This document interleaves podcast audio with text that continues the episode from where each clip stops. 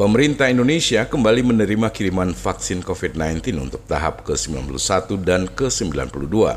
Sejauh ini total vaksin yang telah diterima pemerintah selama ini mencapai 285,3 juta dosis. Dengan vaksin yang diterima ini, maka pemerintah terus mencukupi kebutuhan vaksin untuk masyarakat.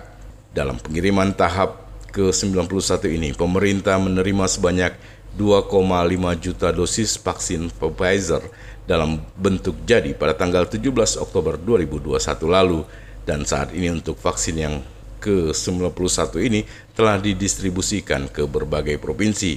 Menurut juru bicara Satgas Penanganan COVID-19 Profesor Wiku Adhisa Smito dalam keterangan pers perkembangan penanganan COVID-19 di Geraha BNPB, seluruh dosis vaksin tahap ke-91 ini langsung didistribusikan ke tiga provinsi, yakni Jawa Barat, Jawa Tengah, dan Daerah Istimewa Yogyakarta.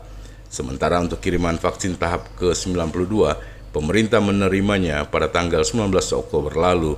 Vaksin yang dikirim pada tahap ini berjumlah 224 ribu dosis vaksin AstraZeneca yang merupakan hasil kerjasama dengan pemerintah Jepang. Sebelum menutup konferensi pers hari ini, berikut adalah beberapa informasi tambahan terkait COVID-19 di Indonesia.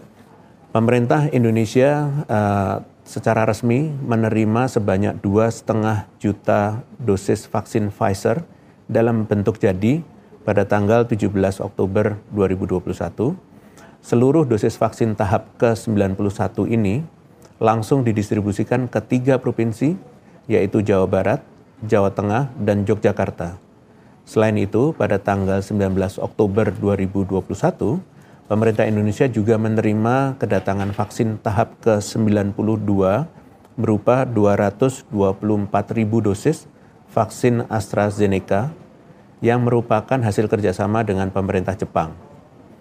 Dukungan kerjasama vaksin dari pemerintah Jepang ini menambah total kedatangan vaksin COVID-19 di Indonesia menjadi 285,3 juta dosis, baik dalam bentuk bulk dan bahan jadi.